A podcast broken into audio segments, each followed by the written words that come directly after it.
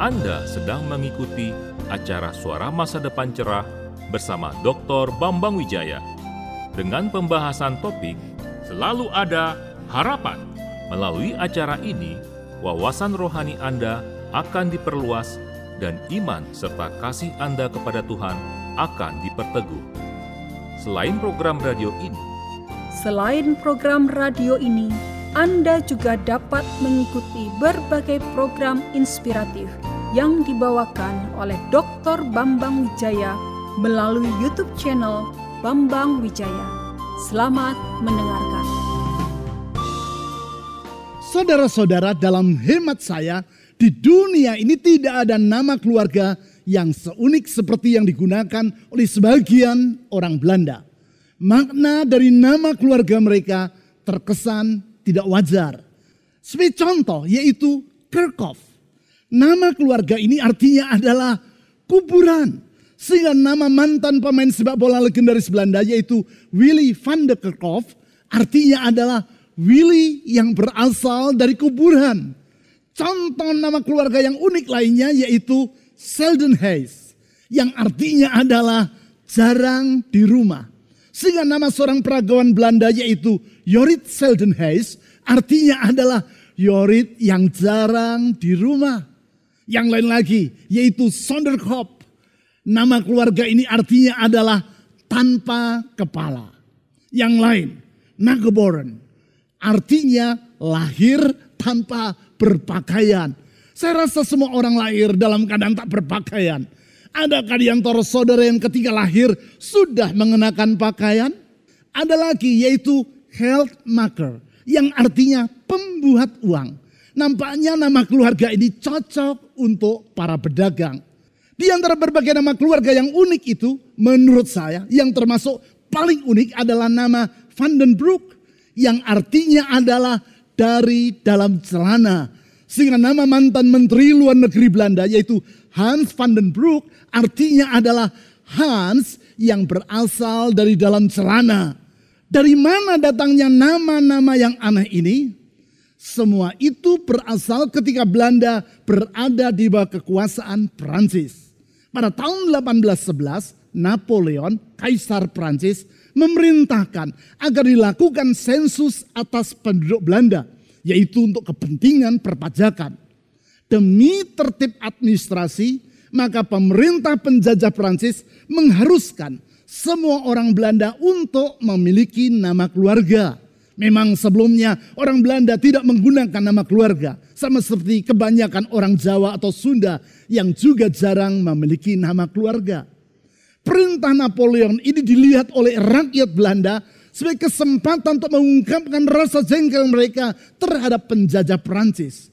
Untuk mengolok-olok perintah Napoleon tersebut, dengan sengaja mereka menciptakan nama-nama keluarga yang konyol seperti tadi bagi diri mereka sendiri. Kita dapat membayangkan bagaimana petugas sensus pemerintah penjajah Prancis mengerenyitkan dahi mereka ketika menerima pendaftaran nama-nama keluarga yang aneh tadi tanpa mampu untuk menolaknya. Nama-nama keluarga yang ganjil itulah yang terbawa pada sebagian orang Belanda sampai pada hari ini. Tentu sangat jarang bangsa di dunia yang dengan sengaja menggunakan nama-nama yang konyol seperti itu. Kebanyakan orang justru sangat menghargai nama yang mereka sandang. Sebab pada umumnya orang mengaitkan nama dengan sifat maupun kehormatan dari pribadi yang menyandangnya. Sebagai contoh, orang memberi anaknya nama tulus karena ia bermaksud agar si anak hidup dengan sifat yang tulus. Orang memberi anaknya nama Santoso sebab ia berharap agar si anak hidup dengan sentosa. Singkat kata, pada umumnya orang menilai nama sebagai kata yang penting dan bukan untuk dipermainkan. Seperti itu pula lah sikap Allah tentang namanya. Di dalam Alkitab ditulis bagaimana Allah menghargai namanya sendiri. Sehingga ia tidak mengizinkan orang menyebut nama Allah secara sembarangan. Hal ini tidak terlepas dari realitas. Penama Allah di dalam Alkitab antara lain adalah menggambarkan sifat dan kemampuannya yang mulia. Sebagai contoh, salah satu nama Allah dalam Alkitab adalah Yehova Rafa. Karena dia adalah Allah yang menyembuhkan umatnya. Patut diketahui kata Rafa di dalam bahasa Ibrani artinya adalah menyembuhkan. Ia juga disebut sebagai Yehova Jireh. Karena dia adalah Allah yang mencukupi keperluan umatnya. Di dalam bahasa Ibrani, kata Jireh ini artinya adalah menyediakan. Singkat kata, nama-nama Allah di dalam Alkitab mengandung arti yang penting. Melaluinya kita mengenal siapakah diri Allah yang sesungguhnya. Atas dasar itu, sehingga dengan mempelajari nama-nama Sang Mesias atau Kristus yang disebutkan dalam Yesaya pasal 9, kita akan semakin mengenal siapakah Yesus yang sesungguhnya. Pengenalan akan Yesus ini adalah penting. Sebab dengan demikian, maka peringatan akan hari kelahirannya, yaitu peristiwa Natal, akan menjadi semakin bermakna bagi kita. Selain itu, dengan demikian, kita semakin mengenal siapakah diri Yesus yang menyertai kita di setiap musim kehidupan, termasuk ketika kita sedang melewati masa yang sukar.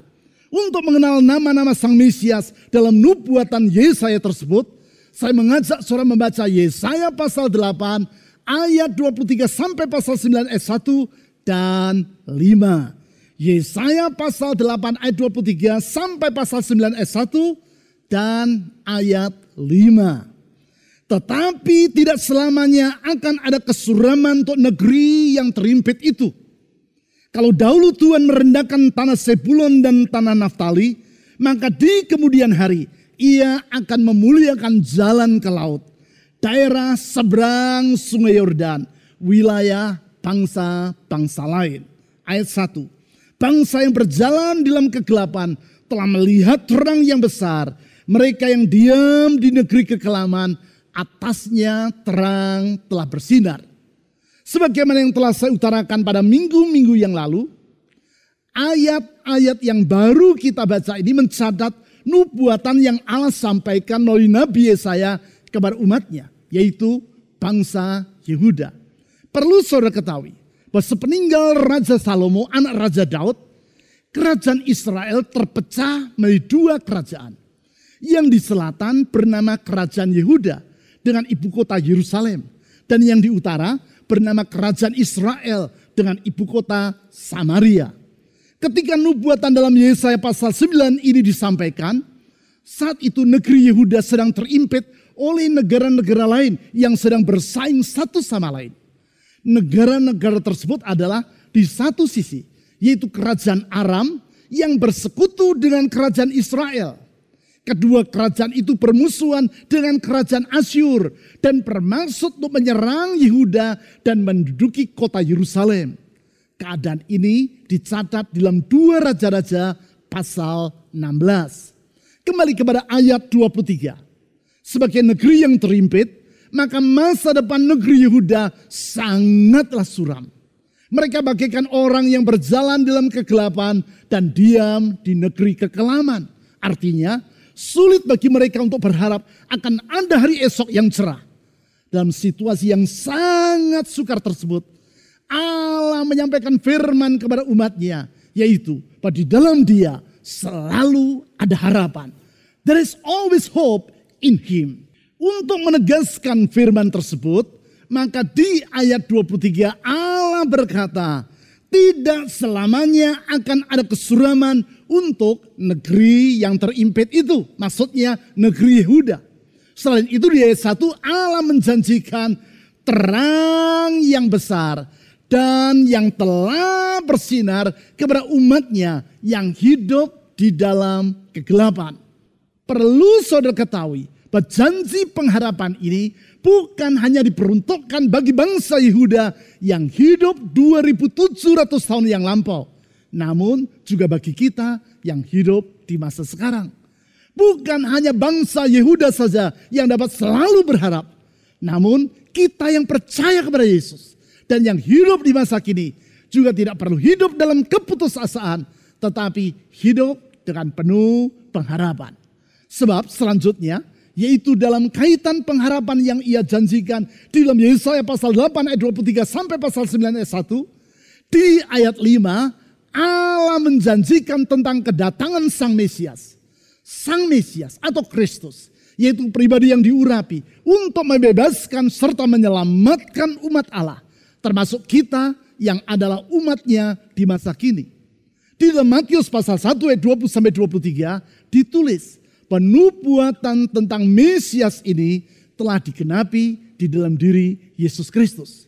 Oleh sebab itu, apabila pada hari-hari ini saudara sedang menghadapi situasi yang sukar seperti yang pernah dialami oleh bangsa Yehuda tadi, yaitu dalam keadaan terimpit, berjalan di dalam kegelapan dan diam di negeri kekelaman, tak usah saudara berputus asa. Yesus, sang terang yang dijanjikan Allah akan menghapus kegelapan serta menyingkirkan kekelaman. Yesus, sang Mesias, adalah juru selamat yang membebaskan umat Allah dari impitan dosa dan akibat dari dosa. Singkat kata, di dalam Yesus ada pengharapan. Sekali lagi saya sampaikan, yaitu bahwa di dalam Yesus ada pengharapan. Pengharapan di tengah kekelaman, pengharapan di tengah kemustahilan, pengharapan yang tidak akan mengecewakan, dan pengharapan yang tidak akan tergoyahkan janji Allah tentang kedatangan Yesus Sang Mesias ini ditulis di ayat 5 sebagai berikut. Sebab seorang anak telah lahir untuk kita. Seorang putra telah diberikan untuk kita. Lambang pemerintahan ada di atas bahunya. Yang dimaksudkan dengan semua ini adalah Sang Mesias atau Yesus Kristus. Dan namanya disebutkan orang penasihat ajaib, Allah yang perkasa, Bapa yang kekal, Raja damai. Di sini diutarakan empat nama Sang Mesias, yaitu yang pertama penasihat ajaib, yang kedua Allah yang perkasa, yang ketiga Bapa yang kekal, dan yang keempat Raja damai. Di dalam dua minggu yang lewat secara berturut-turut kita telah mempelajari dua nama yang pertama dari Sang Mesias tadi, yaitu Sang Penasihat Ajaib dan Allah yang perkasa. Melaluinya kita melihat bahwa di dalam diri Yesus Kristus, Allah menjanjikan harapan di tengah kekelaman dan harapan di tengah kemustahilan. Sekarang kita akan mempelajari nama yang ketiga dari Sang Mesias, yaitu bahwa dia adalah Bapa yang kekal. Mengapa di ayat 5 ini Yesus disebut sebagai Bapa yang kekal? Apakah dengan demikian berarti Yesus identik dengan Allah Bapa? Perlu diperhatikan bahwa di ayat 5 tadi Yesus tidak disebut sebagai Allah Bapa yang kekal. Saya ulang, Yesus tidak disebut sebagai Allah Bapa yang kekal, namun sebagai Bapa yang kekal. Mengapa demikian?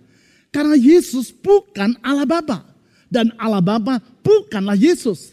Keduanya, sebagaimana juga dengan Roh Kudus, merupakan pribadi dari Allah Tritunggal yang berbeda satu sama lain.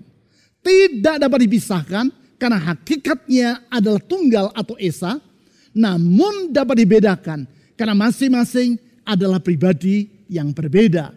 Sehingga bila di dalam Yesaya pasal 9 ayat 5, Yesus Kristus disebut sebagai Bapa yang kekal, hal itu bukan berarti bahwa Yesus adalah Allah Bapa.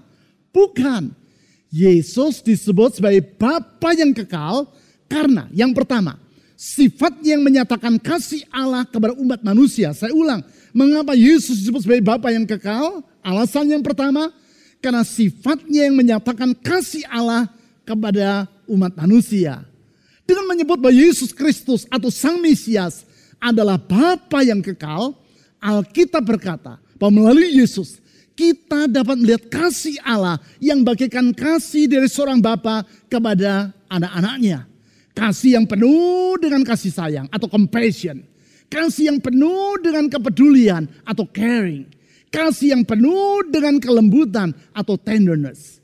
Itulah kasih Allah kepada umat manusia.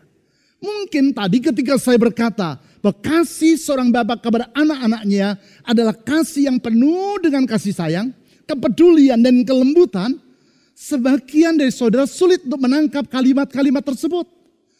Bapa yang penuh kasih sayang kepada anak-anaknya. Bapa yang penuh kepedulian kepada anak-anaknya. Bapa yang bersikap lemah lembut kepada anak-anaknya. Bagi Anda kalimat-kalimat tersebut terasa tidak masuk di akal. Karena bukan bapak atau ayah yang seperti itu yang selama ini sudah kenal dalam hidup Anda. Selama ini yang sudah kenal adalah ayah yang tidak pernah menunjukkan kasih sayang kepada anak-anaknya. Namun yang ada adalah an absent father. Ayah yang tidak pernah hadir dalam hidup anak-anaknya. Itulah yang ditulis oleh John Sowers dalam bukunya yang berjudul Fatherless Generation atau generasi tanpa ayah.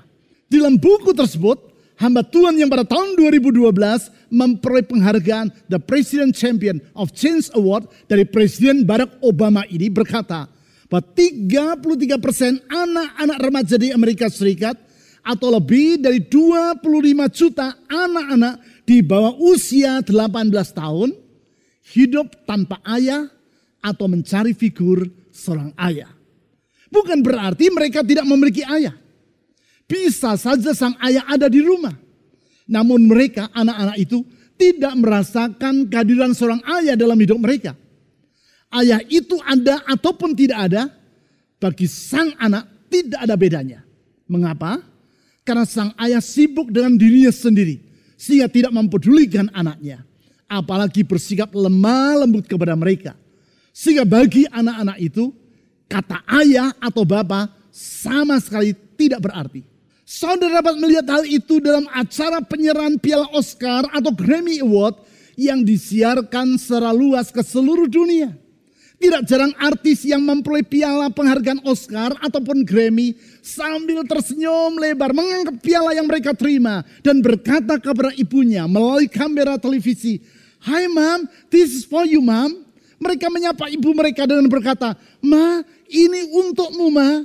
Belum pernah saya melihat ada mereka yang berkata kepada ayahnya, Hi dad, this is for you dad.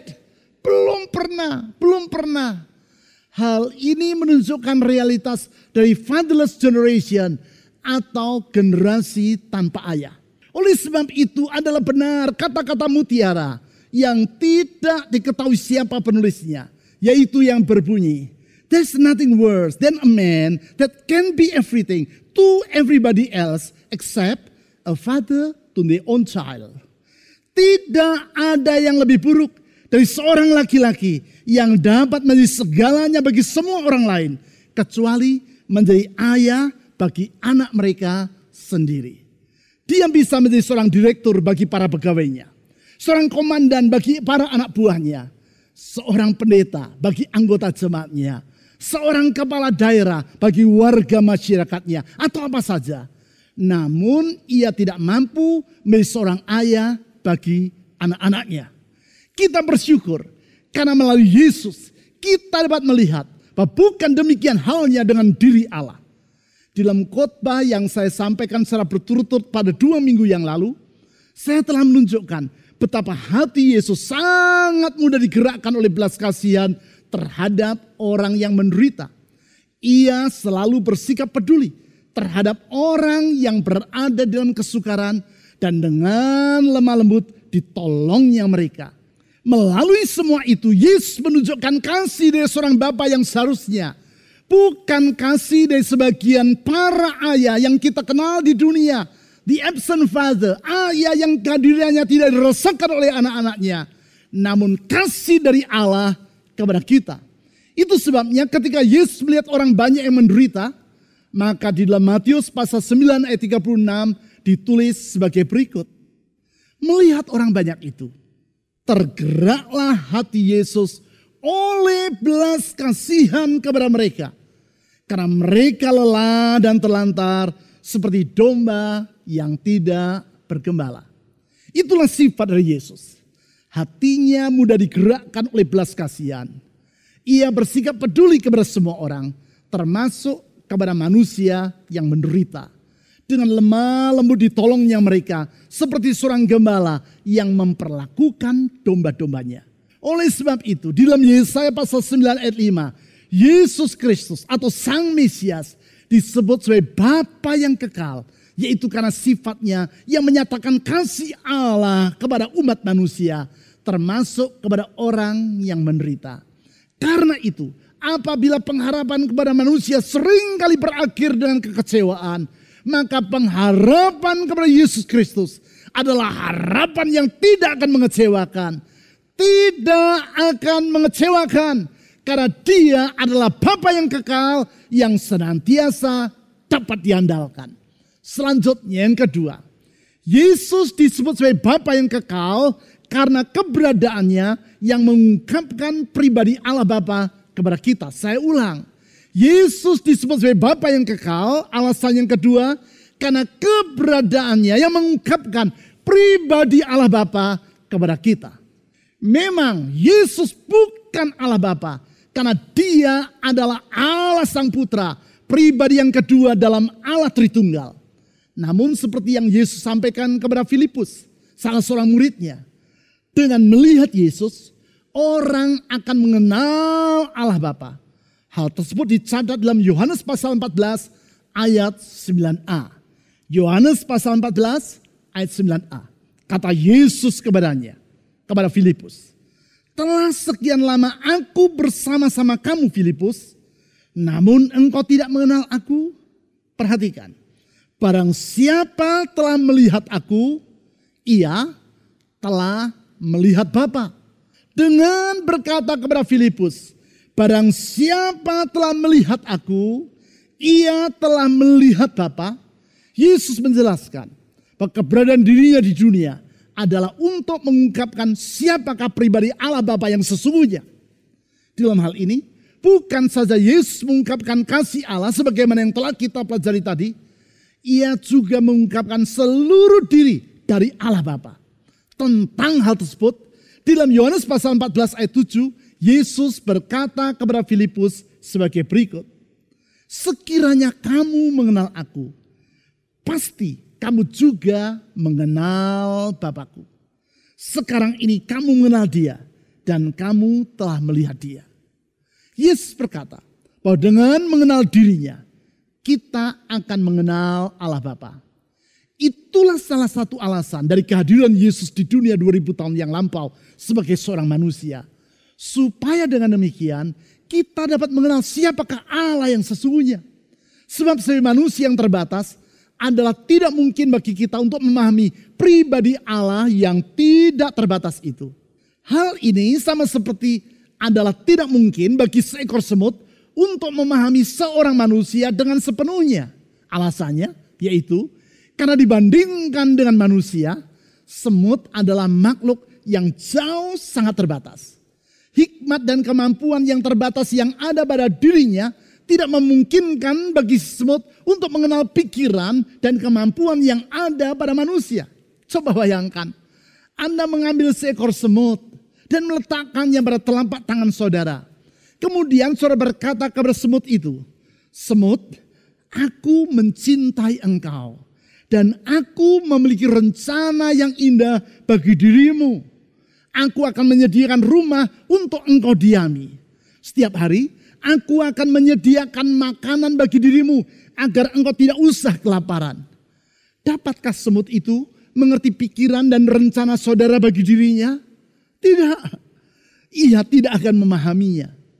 Kalaupun saudara menyediakan rumah dan makanan bagi yang bersangkutan, semut itu hanya akan menikmatinya tanpa mengingat ataupun berterima kasih kepada saudara. Sekali lagi, hal ini adalah karena keterbatasan yang bersangkutan. Sehingga ia tidak dapat memahami diri manusia dengan sepenuhnya. Bukankah hal itu yang terjadi dengan sikap manusia terhadap Allah? Allah telah memelihara yang bersangkutan dengan segala kebaikannya. Tetapi manusia acap kali lupa bahwa kalau ia dapat menghirup nafas dengan leluasa dan menikmati sinar matahari tanpa usah membayar apa pun juga, sesungguhnya semua itu adalah karena kebaikan Tuhan. Sehingga alih-alih dari mengucap syukur kepada Tuhan, mereka tidak mempedulikan Allah. Lalu Bagaimana saudara dapat mengkomunikasikan pikiran, kehendak dan rencanamu kepada si semut tadi?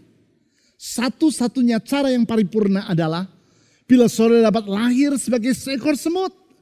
Hadir di tengah-tengah semut dan berkata kepada para semut itu, Hai para semut, aku adalah manusia yang lahir sebagai seekor semut. Aku hadir di antara kalian untuk memberitahu bahwa manusia mengasihi engkau dan memiliki rencana yang indah bagi para semut. Sebaliknya Ray mempercayai perkataan saudara yang telah lahir sebagai seekor semut itu. Justru para semut tadi berkata, semut yang satu ini telah menghujat manusia. Dan karena itu mereka menangkap saudara dan menyalibkan dirimu. Bukankah justru dengan cara demikian, yaitu melalui kerelaan saudara untuk menjadi seekor semut dan berkorban bagi para semut, saudara telah mengungkapkan kasihmu dan dirimu yang sebenarnya kepada para semut itu? Itulah yang Yesus telah lakukan melalui kelahirannya sebagai seorang manusia dan kehadirannya di tengah umat manusia 2000 tahun yang lampau. Melalui pengorbanannya, ia mengungkapkan siapakah Allah yang sesungguhnya kepada manusia. Dan dengan cara itu, ia membuka jalan bagi manusia untuk mengenal siapakah Allah Bapa yang sesungguhnya dan mengalami perdamaian dengan dia. Sekarang yang ketiga, Yesus disebut sebagai Bapa yang kekal karena karyanya yang menjadikan kita sebagai anak-anak Allah. Saya ulang, Yesus disebut sebagai Bapa yang kekal. Alasannya yang ketiga, karena karyanya yang menjadikan kita sebagai anak-anak Allah. Bukan saja Kristus menyatakan kasih Allah kepada manusia dan mengungkapkan Allah Bapa kepada kita melalui karya penebusannya 2000 tahun yang lampau ia juga membuka jalan bagi kita agar dapat menjadi anak-anak Allah. Hal tersebut antara lain diutarakan dalam Galatia pasal 4 ayat 4 sampai 5 sebagai berikut. Galatia pasal 4 ayat 4 sampai 5. Tetapi setelah genap waktunya, maka Allah mengutus anaknya yang lahir dari seorang perempuan dan takluk kepada hukum Taurat. Ayat 5. Ia, sang anak itu, Mesias, Yesus, diutus untuk menebus mereka yang takluk kepada hukum Taurat. Supaya kita, perhatikan, diterima menjadi anak. Perlu dipahami, apabila Yesus di ayat 4 disebut sebagai anak Allah, Hal itu sama sekali bukan berarti bahwa Allah memiliki istri dan istri yang mengandung serta kemudian melahirkan Yesus. Sama sekali bukan demikian. Begitu pula kalau di ayat 5 disebut bahwa kita diterima menjadi anak Allah. Bukan berarti dengan demikian semua ibu yang melahirkan kita di dunia juga menjadi para istri dari Allah. Sama sekali bukan demikian. Itu merupakan pikiran yang keblinger dan pandangan serta tuduhan yang sama sekali tidak dapat dipertanggungjawabkan. Istilah bahwa Yesus adalah anak Allah bukan menunjukkan relasi biologis antara Yesus dengan Allah Bapa, tetapi menunjukkan relasi yang sangat dekat antara Yesus dengan Allah Bapa. Sedemikian dekatnya sehingga tiada istilah lain yang dapat digunakan kecuali istilah bahwa Yesus adalah anak Allah. Hal ini sama seperti istilah anak kunci misalnya. Bukan berarti anak kunci yang di tangan saya ini merupakan anak secara biologis dari kunci yang terpasang pada daun pintu di kantor saya. Ia disebut sebagai anak kunci karena relasinya yang istimewa dan sangat dekat dengan kunci yang berkaitan dengan dirinya. Relasi yang istimewa dan yang sangat dekat seperti itulah yang kita alami dengan Allah Bapa melalui Yesus Kristus. Relasi yang membuat kita disebut sebagai anak-anak Allah sebagaimana yang diutarakan dalam Galatia pasal 4 ayat 4 sampai 5 yang telah kita baca tadi. Yesus diutus ke dunia untuk menebus kita melalui pengorbanannya di kayu salib supaya kita diterima menjadi anak-anak Allah. Di dalam keberadaan kita sebagai anak-anak Allah itu, maka kita memiliki akses yang khusus kepada Allah. Hal ini sama seperti perbedaan antara kita dengan anak dari seorang presiden untuk bertemu dengan presiden, kita perlu melewati prosedur yang tidak sederhana dan protokol yang diatur secara ketat. Waktu untuk bertemu dengan presiden juga sangat dibatasi. Dan agenda pertemuan itu juga sudah ditata dengan jelas. Beberapa kali saya mendapat kesempatan untuk bertemu dengan presiden termasuk Presiden Jokowi. Sehingga agak sedikit mengetahuinya. Namun lain halnya kalau yang ingin bertemu dengan presiden adalah anaknya sendiri. Anak dari sang presiden tidak perlu melewati prosedur yang rumit dan protokol yang kaku. Berapa lama ia boleh bertemu dengan ayahnya yang adalah presiden itu juga tidak akan ditentukan oleh pihak protokol istana. Tetapi tergantung kepada sang presiden sendiri. Apa yang hendak ia bicarakan dengan ayahnya tidak harus diagendakan terlebih dulu. Ia boleh berbicara apa saja kepada ayahnya mencurahkan isi hati, bahkan menangis di dada ayahnya. Itulah akses yang khusus kepada sang presiden karena relasinya sebagai seorang anak presiden. Hal yang sama pula lah yang akan kita alami sebagai anak-anak Allah. Kita boleh berjumpa dengan Allah di setiap waktu dan mengutarakan isi hati kepadanya. Kita boleh mencurahkan air mata di dadanya dan ia Tuhan bersedia mendengar doa yang kita panjatkan kepadanya. Semua itu kita alami karena Yesus melalui karya penebusannya di kayu salib telah membuka jalan bagi kita untuk menjadi anak-anak Allah. Oleh karena itu, ia Yesus disebut sebagai Bapa yang kekal. Yesus Kristus atau Yesus Sang Mesias disebut sebagai Bapa yang kekal karena dia bukanlah pribadi seperti kebanyakan bapak atau ayah di dunia.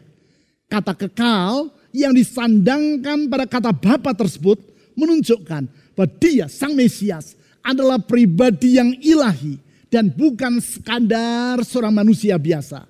Lebih tepatnya, dia adalah Allah sendiri yang datang ke dunia, lahir sebagai seorang manusia, dia datang ke dunia untuk menunjukkan kasih Allah, mengungkapkan pribadi Allah Bapa yang sesungguhnya dan membuka jalan supaya kita yang percaya kepadanya diterima menjadi anak-anak Allah.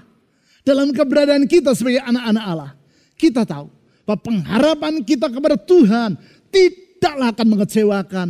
Sebab sebagai anak-anak Allah, kita memiliki privilege atau hak istimewa yaitu boleh hidup dekat dengan dia serta menjadi ahli waris dari semua janji-janjinya. Janji-janji Allah yang indah, yaitu yang sesuai dengan rencana yang mulia bagi kita, anak-anaknya. Sehingga dengan demikian, apa pun yang kita alami dan yang akan kita hadapi, tidak akan membuat kita berputus asa. Kita tahu bahwa di dalam Yesus Kristus selalu ada pengharapan.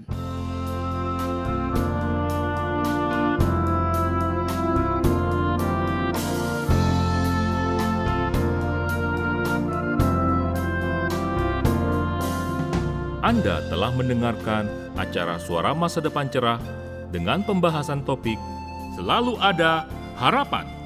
Pekan yang akan datang, Dr. Bambang Wijaya akan melanjutkan topik tersebut pada hari, jam, dan gelombang radio yang sama. Pastikan Anda mengikutinya. Selain program ini, Anda juga dapat mengikuti berbagai program inspiratif yang dibawakan oleh Dr. Bambang Wijaya melalui YouTube channel Bambang Wijaya.